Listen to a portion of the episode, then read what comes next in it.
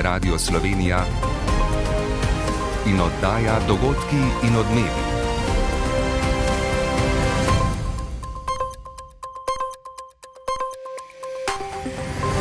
Ura je 15 in 30 minut. Dober dan. Lepo pozdravljeni. Čez nekaj ur se bodo predvidoma znova sešli predstavniki vlade in sindikata Fides ter skušali doseči preboj še pred sredo, ko je napovedana stavka zdravnikov.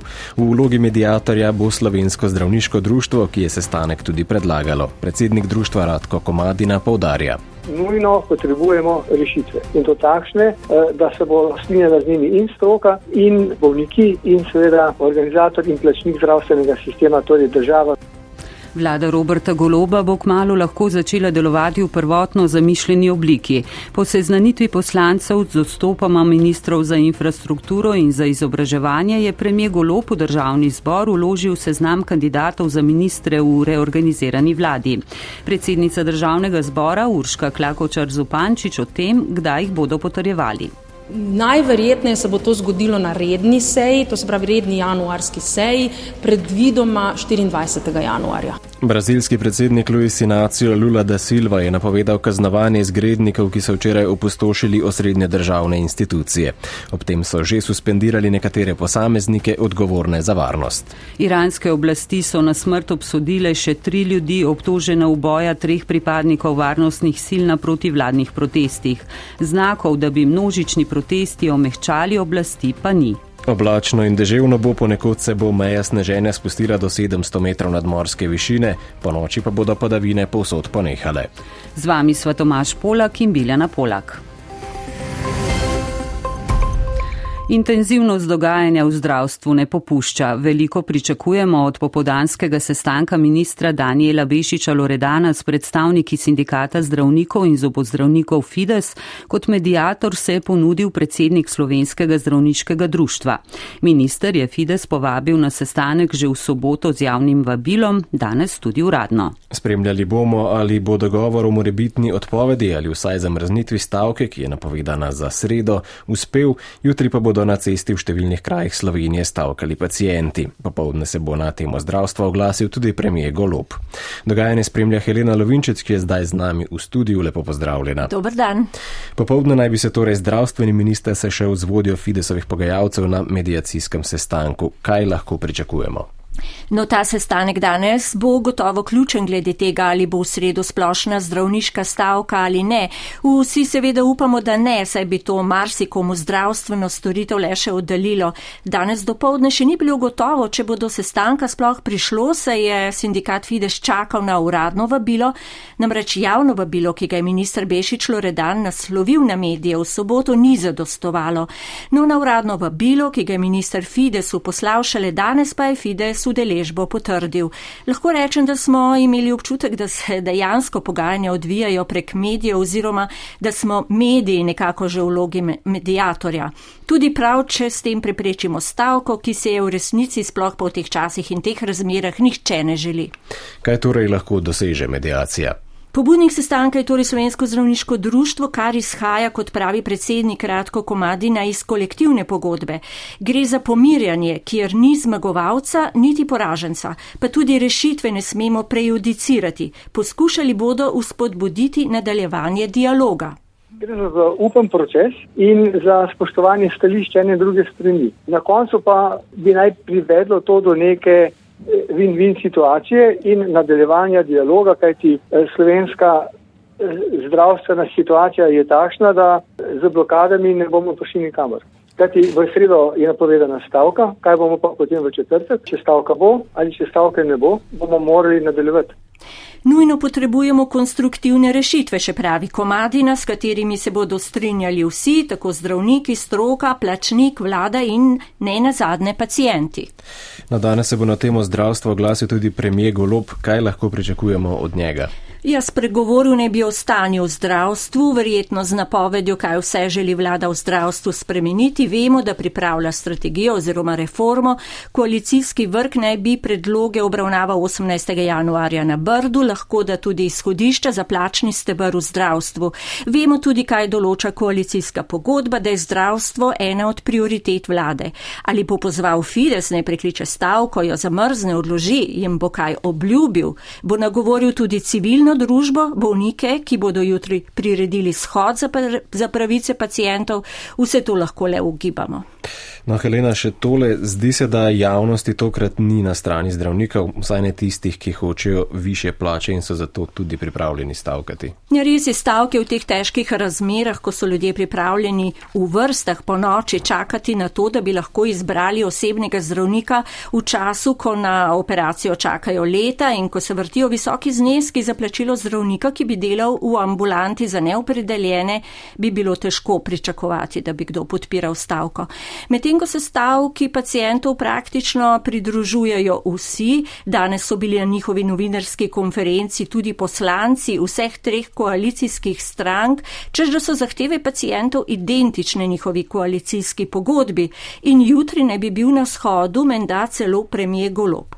No, za glas ljudstva je danes Jaša Janul dejal. Ta stavka je predvsem za ohranitev javnega zdravstva z javnimi izvajalci. Ta stavka je za pravice 130 tisoč ljudi v Sloveniji, da čimprej dobijo svojega osebnega zdravnika in so vključeni v sistem javnega zdravstva. In ta stavka je proti privatizaciji, proti tistim, ki bi dejansko na račun krize v javnem zdravstvu radi zaslužili milijone. No, stavko bolnikov podpirajo tudi v sindikatu zdravstvene nege, razumejo njihove zahteve, nasprotno glede zdravniške stavke pa se ne želijo opredeliti, niti je ne želijo komentirati, saj so njihovi člani, predvsem gre za srednje medicinske sestre in tehnike, med najnižje plačanimi v zdravstvenem timu. Helena Lovinčič, najlepša hvala za ta izčrpna pojasnila. Hvala. Vprašanje pomankanja družinskih zdravnikov bodo v kratkem začele reševati tudi ambulante za neopredeljene. Kje, kdaj in če sploh se bodo odprle, je s pomočjo dopisnikov preverila Katja Arhar. Med prvimi bodo v petek ambulanto za neopredeljene odprli v Mariborskem zdravstvenem domu in sicer v stavbi na ulici Kneza Koclja v središču mesta. Kot je pojasnil direktor Jernej Završnik, so k sodelovanju pozvali tudi 30 koncesionarjev. Tu bodo različni zdravniki delovali, tudi sestre se bodo izmenjevale, ob tem, da bodo vsi ti ljudje opravljali še svoje eh, delo v rednih lastnih ambulantah. V Kopru bodo ambulanto za neopredeljene odprli v drugi polovici januarja, pojasnjuje strokovna vodja Koprskega zdravstvenega doma Ljubica Kolander Bizjak. Odpirali jo bomo postopoma, glede na število opredeljenih, se pravi, ne bomo začeli takoj z 8-urnim delovnikom 7 dni v tednu. Na območju štirih trebanskih občin je brez izbranega osebnega zdravnika nekaj več kot 2000 ljudi, od tega skoraj petina tujcev. A kot zatrjuje direktorica zdravstvenega doma Trebnje Karmen Lukše, Za te osebe smo v našem zdravstvenem domu že sedaj poskrbeli in jim nudili vse potrebne zdravstvene storitve. Ambulanto za neopredeljene pacijente bomo predvidoma vzpostavili s 1.2.2023. V Ajdovščini bodo ambulanto za neopredeljene odprli marca. Jutri bo najverjetneje znano, kdaj bo podobna ambulanta zaživela v Ljubljani in tudi v celju. Ta teden bo odločitev padla tudi v Izoli. Po potrebi bodo ambulante odprli v Žavcu, Laškem in Šetjurju ter v slovenskih konicah, tudi v Kranju še ni znano, kdaj bo ambulanta zaživela. V Sežani za delo v ambulanti za neopredeljene ni kadra, medtem ko v Brežicah, Novi Gorici, Šentjurju ter v zasavskih zdravstvenih domovih zaenkrat takšnih ambulant ne bodo odpirali, ker tam osebni zdravniki še opredeljujejo pacijente. Dogodki in odmevi. Po počitniškem zatišju se v državnem zboru nadaljujejo prizadevanja za oblikovanje vlade po nedavno uveljavljenem spremenjenem zakonu o vladi na način, kot si ga je začrtala koalicija. Potem, ko so se poslanke in poslanci seznanili z odstopama ministrov Bojana Kumra in Igorja Papiča, ki zdaj upravljata tekoče posle, je premjer Robert Golob popovdne v državni zbor poslal listo devetih ministerskih kandidatov. Ti se bodo četrtek in petek predstavili pred pristojnimi parlamentarnimi odbori. Nekateri zaradi na novo ustanovljenih, nekateri pa zaradi spremenjenih ministrstev. Nataša Mulec. Teden, v katerega smo vstopili bo, ko gre za oblikovanje 20-članske ministerske ekipe po željah koalicije, v znamenju zaslišanj devetih ministerskih kandidatov. Kot rečeno, sta Bojan Kumar in Igor Papič odstopila, štirim ministrom je z uveljavitvijo novele zakona vladi prenehal mandat, trije se bodo 20-članski ministerski ekipi pridružili na novo. Med njimi so Alenka Bratuša, ki prevzema Ministrstvo za infrastrukturo, Dario Felda, novi minister za vzgojo in izobraževanje, pa tudi Simon Maljevac za solidarno prihodnost. Poleg omenjenih se bodo pred pristojnimi parlamentarnimi odbori v četrtek in petek predstavili še Igor Papič, ki bo razkril načrte na področju visokega šolstva in znanosti. Nad okoljem bosta ponovem bdela dva ministra, Bojan Kumar nad podnebjem in energijo, Urož Brežen pa nad naravnimi viri in prostorom. Načrte bosta pred pristojnima odboroma vnovič predstavila tudi Aleksandar Jevšek in Emilija Stojmenova Duh, ki bosta ponovem vodila ministerstvi. Pred poslance bo šel v petek vnovič tudi Matjaš Han, saj so gospodarskemu ministerstvu priključili področje športa. Presenečen na zaslišanjih ni pričakovati, vlada pa bo najverjetneje dokončno oblikovana na redni seji državnega zbora, ki se bo začela 24. januarja in ne na izredni seji prihodnji teden, kot se je najprej ugibalo. Sicer pa koalicijo po zaprisegi ministrov čaka še sprememba zakona o državni upravi in rebalans proračuna, kar pomeni, da bo minilo še nekaj časa, da bodo nekatera ministerstva sploh na novo nastala polno operativna. V sindikatu vzgoje in izobraževanja so za to soboto v Ljubljani napovedali protestni shod pomočnikov vzgojiteljev, ki opozarjajo na preniske plače. Poprečni razred pomočnikov, ki se ukvarjajo z otroki v predšolskem obdobju, je še vedno pod minimalno plačo, torej 800 evrov neto. Na zadnjem sestanku je vlada ponudila dvig plač za od 3 do 4 plačne razrede, v Svizu pa pričakujejo 20 odstotni dvig. Pogajanja se nadaljujejo čez dobro uro. Tjaša Lotrič. V zadnjih desetletjih se je delo pomočnika vzgojitelja precej spremenilo. Če so v preteklosti pomočnice skrbele za varnost in nego otrok, zdaj ob tem še skupaj z vzgojiteljico so ustvarjajo delo v oddelku, je povedala Doroteja Prše iz vrca Koper. Skupaj načrtujete dejavnosti. V času odsotnosti vzgojiteljice pomočnica tudi prevzame vodenje oddelka, je članica strokovne skupine v vrtu za obravnavo otrok s posebnimi potrebami in upravlja še druge pomembne in odgovorne naloge. Tako da njena odgovornost torej ni samo varovanje otrok, ampak da posega v bistvu njeno delo tudi v neko strokovno usposobljenost, torej da zahteva tudi določena znanja. Ob tem pa so potrebna tudi dodatna izobraževanja in izpopolnjevanja, medtem ko je njihovo strokovno delo cenjeno v vrcih in pri starših, pa je pri ovrednotenju plač drugače. Kot je povedala Branka Furlanič Pavlič, prav tako iz Koperskega vrca, ki delo pomočnice vzgojiteljice opravlja že več kot 20 let, imajo tudi najmanj ugoden urnik, kar je še dodatno naporno in obremenjujoče. Povprečna plača naše je 20% nižja od povprečne plače v javnem sektorju za enako izobrazbo, torej srednjo, s tem, da gre tukaj poudariti, da veliko pomočnic zdaj mladih prihaja z diplomami.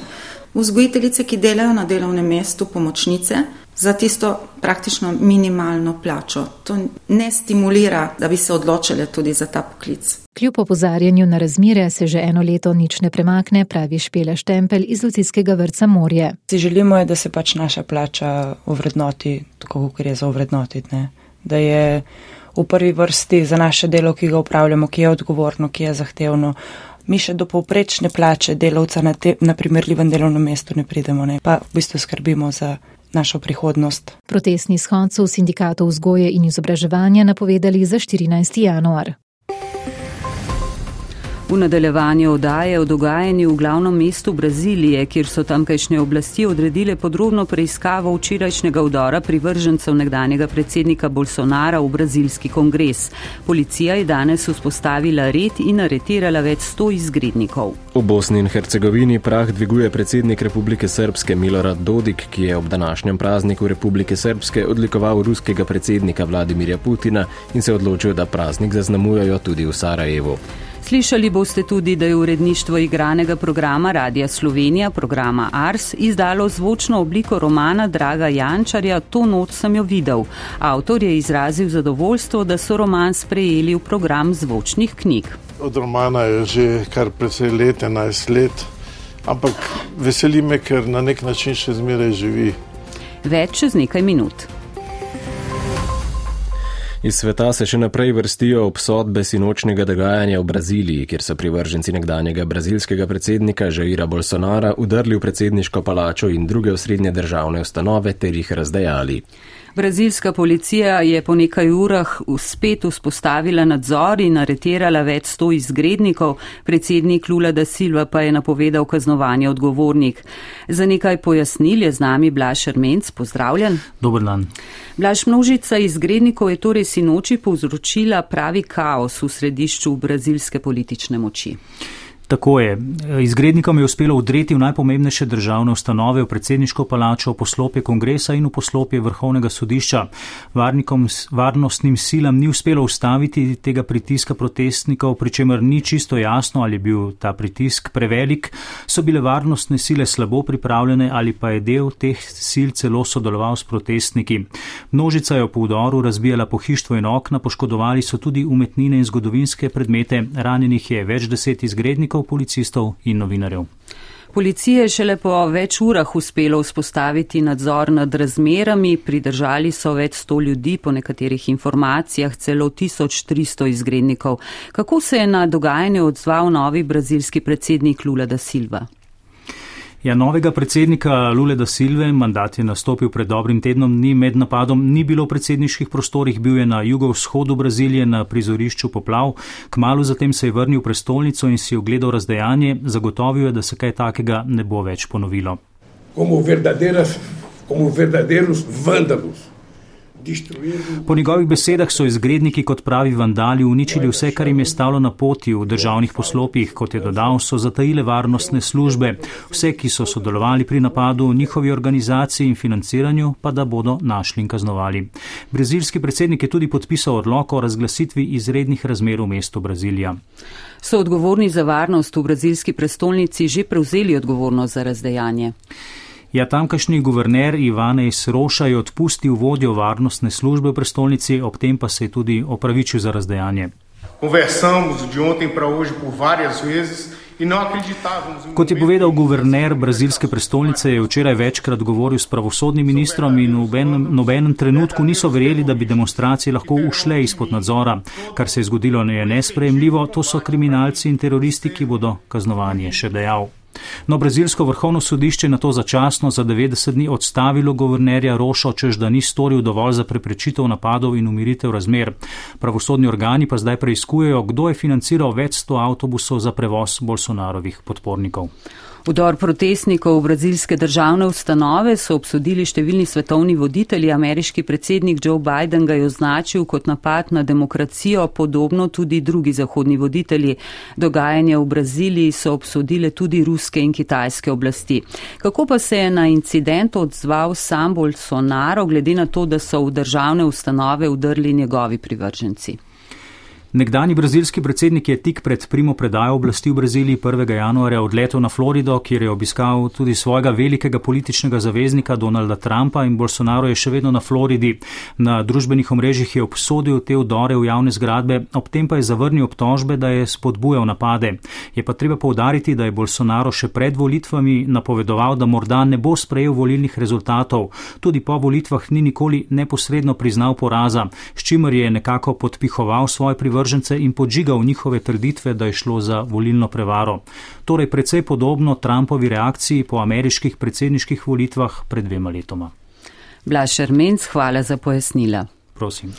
Zdaj pa k razmeram v Ukrajini. Predsednik Volodimir Zelenski je danes zagotovil, da Ukrajina krepi svoje enote na vzhodu države in še naprej odbija ruske napade, tudi zasebne vojaške skupine Wagner. Obramba mest Bahmut in Soledar je sicer ključnega pomena za ohranitev obrambnega zidu, ki ščiti Slovjansk in Kramatorsk, večji mesti v Donbasu, ki sta še pod ukrajinskim nadzorom. Proruske separatistične sile medtem trdijo, da so danes zauzele vas blizu Bahmuta, ki ga ruske sile skušajo zauzeti že mesece. V bosansko-hercegovski entiteti Republiki Srpski s parado, postrojem in vrsto slovesnosti praznujejo Dan Republike Srpske, obletnico ustanovitve te entitete. Ustanovno, ustavno sodišče države je praznik že dvakrat razglasilo za neustaven, ta dan bošnjaki in hrvati vidijo kot dan začetka vojne, zločinov in genocida. Tokrat pa je proslavljanje še bolj kontroverzno, saj ne poteka v Banja Luki, ampak v vzhodnem Sarajevu, kjer je vojska Republike Srpske med drugim načrtovala zločine in obleganje Sarajeva. Predsednik entitete Milorad Dodik pa je že sinoči podelil odlikovanja tudi ruskemu predsedniku Vladimirju Putinu. Boštjan Anžin. Predsednik entitete Milorad Dodik je Putinu odlikovanje podelil, ker naj bi ta pomagal, da se sliši glas Republike Srpske in jo ščitil pred mednarodnim intervencionizmom. Odločitev o priznanju človeku, ki je neposredno odgovoren za agresijo na Ukrajino in njene prebivalce, so v ZDA in Evropski uniji ocenili kot žalostno in napačno. V Bruslju menijo, da bi se moral Dodik zdaj, ko ima država status kandidatke, še bolj zavedati pomena vladavine prava in spoštovanja ustavnega sodišča. Na sinočni slovesnosti, kjer so med drugim odlikovali tudi patriarha Srpske pravoslavne cerkve, so govorili o Republiki Srpski kot o državi, da zahtevajo le, kar jim pripada po Daytonskem sporazumu, obsojene vojne zločince so razglašali za mučenike. Dodik sicer razburja tudi z grožnjami o cepitvi, zanikanjem genocida v Srebrenici, bojkotom skupnih institucij, postopki za prenos pristojnosti in lastnine z države na entiteto, pa tudi z nepriznavanjem visokega predstavnika mednarodne skupnosti Šmita, ta svari pred posledicami nespoštovanja ustave. Prvi voditelji entitete Radovan Karadžič, Biljana Plavšič, Momčilo Krajšnik so bili obsojeni na Haškem sodišču za vojne zločine, prav tako poveljnik vojske Radko Mladič. V organizacijah, ki združujejo žrtve preteklih vojn v Sarajevskem kantonu, so zahtevali prepoved proslave in napovedali prijave na toživstvo. Na proslavo pa je sicer prišlo več članov radikalnih skupin povezanih z Rusijo, naprimer nočnih volkov, ravnogorskega četniškega gibanja, skupine Wagner, srpskega gibanja Putin. Medtem pa so v arhivu druge entitete Federacije BIH danes pripravili znanstveni simpozij 9. januar potu genocid, na katerem bosta tudi hrvaški in bošnjaški član predsedstva Komšič in Bečirovič. Iranske oblasti so na smrt obsodile še tri ljudi, obtožene v boja treh pripadnikov varnostnih sil na protivladnih protestih novembra lani. V svetu se vrstijo obsodbe uporabe smrtne kazni, med drugim jo je danes obsodil papež Frančišek in se zauzel za večje spoštovanje žensk. Raziskovalka z dolgoletnimi izkušnjami z področja človekovih pravic Raha Bahreini je na današnjem predavanju na Fakulteti za družbene vede na temo Iran ženske življenje ocenila, da iranske oblasti ne izkazujejo možnosti za kompromis oziroma umik od svoje politike. Rajka Pervanje. Iranske oblasti si na vse načine prizadevajo utišati proteste. Zaradi udeležbe na protestih so doslej na smrtno kazen obsodile 17 ljudi, od tega so štiri usmrtitve že izvedle, med njimi dve konec minulega tedna. Kot je na današnjem predavanju povedala raziskovalka z dolgoletnimi izkušnjami z področja človekovih pravic Raha Bahreini, je bilo doslej na protestih ubitih ali ranjenih več sto protestnikov, 14 tisoč ljudi pa je bilo aretiranih. Od aretacije naprej so prikrajšani za dostop do odvetnika, komunikacijo z unanim svetom, varovanje pred mučenjem. Taki sodni postopki niso pošteni, zato bi morali sprejete kazni preklicati. Predavateljica, ki je svojo mladost preživela v Iranu, pravi, da iranske državljane preveva upanje o drugačni prihodnosti, vendar pri tem težko govori o revoluciji. Ni dvoma, da se je zgodila transformacija miselnosti ljudi in družbe, vendar v smislu političnega vodstva ni nobenih sprememb in znakov, da nameravajo prihodnosti spremeniti svojo smer in se bolj odpreti družbi. Protesti v Iranu, ki potekajo že vse od sredine septembra, ko je v policijskem pridržanju zaradi nepravilno nameščene na glavne rute umrla 22-letna Mahsa Amini, pomenijo enega največjih izzivov za Islamsko republiko. Protesti, ki so bili sprva v podporo ženskim pravicam, so se k malu oblikovali v protivladne proteste.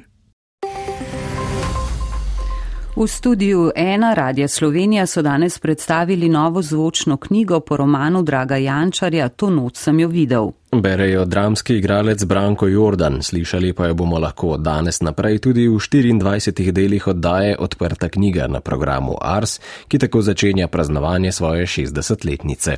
Prispevek Žige Bratoša.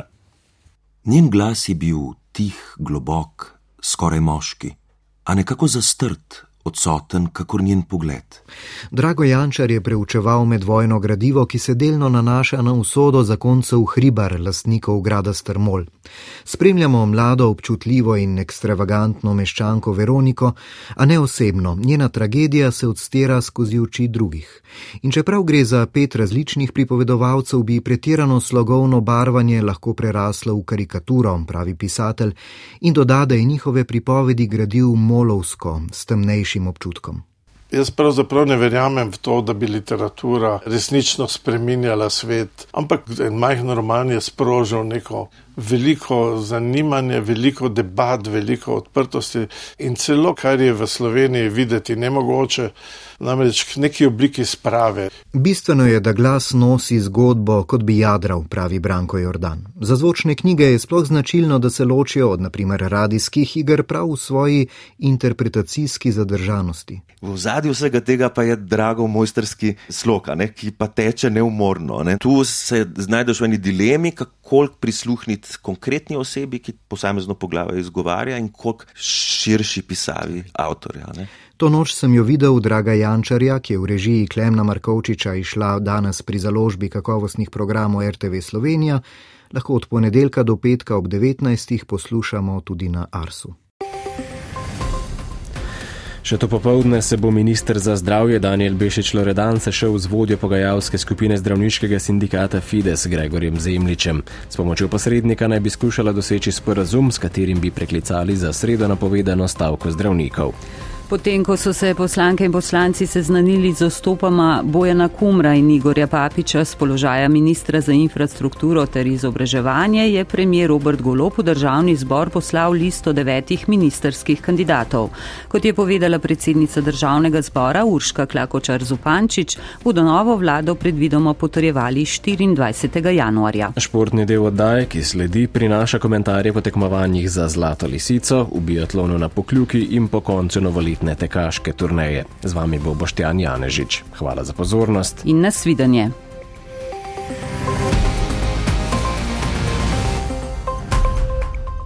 59. zlata lisica je izpolnila pričakovanja Mednarodne smučarske zveze za slovensko reprezentanco je po zaslugi Jane Bucik uspešen konec tedna, v središču pozornosti pa je bila po izenačenem rekordu zmag z rojakinjo Lindsay Von, američanka Mikaela Šifrin, o minulem koncu tedna v Kranski gori Marko Cirman. Četrti zapored so se morali mariborski organizatori sprijazniti z dejstvom, da Zlata lisica ne bo potekala na pohorju. Četrti zapored so se zanesli na Kransko goro. Vse zato, da tekma ostane v Sloveniji, vse zato, da je ne vzame kakšno tuje prizorišče, kar bi pomenilo dokončno slovo tradicionalne prireditve od svetovnega pokala. Mikroklima podkorena je opravila svoje, kot tudi marljivi delavci na progi. Za nami sta dve tekmi svetovnega pokala, ki se ju ne bi sramovali niti v bolj petičnih smučarskih središčih, kjer še vedno čakajo na pravo zimo. Ana Bucik je z osmim in desetim mestom dobila potrditev, da je na pravi veleslalomski poti. Mikaela Šifrin pa poskrbela za to, da smo se po njeni 82. zmagi prepričali in še enkrat začeli zavedati, da lahko uživamo v spremljanju karijere najboljše smučarke vseh časov, kmalo tudi v absolutni konkurenci. 59. zlata lisica je pod streho, naslednja jubilejna v prihodnjem februarju naj bi bila vijolična, pravijo organizatori. Naslednjih 13 mesecev bo spet odločilnih, da se bo tekmovanje vrnilo tja, kjer je tudi za ta konec tedna pustilo dušo. Po dveh letih in svetovnem prvenstvu je pokljuka znova gostila biatlonski svetovni pokal, dober obisk, skoraj 15 tisoč gledalcev v štirih tekmovalnih dneh in brez slovenskih tekmovalnih presežkov. Naslednji svetovni pokal leta 2025. Komentar Uroša Vovka. 12. in 17. mesto Jakova Faka sta bili edini v vrstitvi v prvo polovico dobitnikov točk. Te je minuli podaljšan konec tedna dvakrat osvojil še Miha Dovžan, po enkrat pa Aleks Cisar in Lauro Planko. Manjše razočaranje po ženskem sprintu Ana Marija Lampič ni ponovila prebliska iz Hohfilcna, a rešila mešano štafeto, najslabši sprint pa za Polono Klemenčič, ki je zadnji dan izpustila zaradi bolezni. Po dvakrat sta zmagala neverjetni Johannes B. in švedinja Elvira Eberg, ki je zdaj najbližja najbližje še vedno vodilni francozini Simon. Do svetovnega prvenstva v Oberhofu sta še dve postaji, Rupolding že od srede naprej, kar je bil neprepričljiv razlog za odločitev stroke, da Faki spusti zadnji mešani štafetni dan, vsaj iz vidika domače prireditve, je pa za slabši obisk v nedeljo gotovo delno krivo tudi vreme. Pokljuka ostaja med prireditelji, ki jih Mednarodna biatlonska zveza rotira v nezasedene termine. Minuli, še vedno praznični konec tedna je bil kot nalašč sploh za tuje goste, zaslužek pa bo prinesel tudi prevzem tekme pokala IBU. Naslednjič bo svetovni pokal na Rudnem polju marca čez dve leti. Smučarski tekači so tudi 17. novoletno turnejo po sedmih etapah zaključili slovitim usponom na Alp Čermis. Obe zmagi sta pričakovano končali v Skandinaviji, Eva Urevc pa je dokaj presenetljivo z 12. mestom ponovila lanski dosežek Ana Marije Lampič. Po prvem tekaškem višku zime Dare Rupar. Eva Urevci je očitno uknjižila vloženo delo v letošnji sezoni. Že od začetka je bila odkrito navdušena, da bo reprezentanco vodil Ola Vigen Hatestat in sodelovanje je očitno prineslo prve vidne dosežke. Za mnoge, tudi tuje poročevalce, so presenetljivi njeni izidi predvsem na razdaljah, saj so jo doslej poznali kot sprinterko in še to v drsalnem koraku. Na tej turneji pa je bila Urevčeva prav v sprintih slabša od distanc. Prav zanimivo pa najslabša na začetku v Švici, ko je sprint končala šele na 44. mestu. V nadaljevanju je prilezla do 12. klina skupne razpredelnice, trikrat je bila del deseterice Eva Urevc. Pomeni, da delamo v pravo smer, s tem tudi uh, dobivaš samozavest za prihodne tekme sploh na razdalji se mi zdi en velik korak naprej. Samo ustrajati in delati, in sigurno pridejo še boljši rezultati. Na vrh je prispela tudi Anja Mandelc in to v prvem poskusu. Deset slovencev se je doslej povzpelo na Alpe Čermis. Skandinavski zmagi sta povsem pričakovani in vse drugo bi bilo v trenutni razvrstitvi moči med tekači ogromno presenečenje. Tamara Zidanšek je v prvem krogu teniškega turnirja dvojico Hobartu skupaj z Japonko Eri Hozumi ugnala Marozavo in Sizikovo 7-5 in 7-6. Še nogomet, španec Roberto Martinez, več kot šest let je vodil Belgijo, je novi selektor portugalske reprezentance. Njegov prvi izziv bo razjasniti vlogo Kristjana Ronalda. Kaj Cipot pa je pogodbo z Muro podaljšal do konca leta 2026. Poslušali ste oddajo Dogodki in odmevi. Urednik Niko Robaus, voditelja Biljana Polak in Tomaš Polak, tonski mojster Žiga Žižak.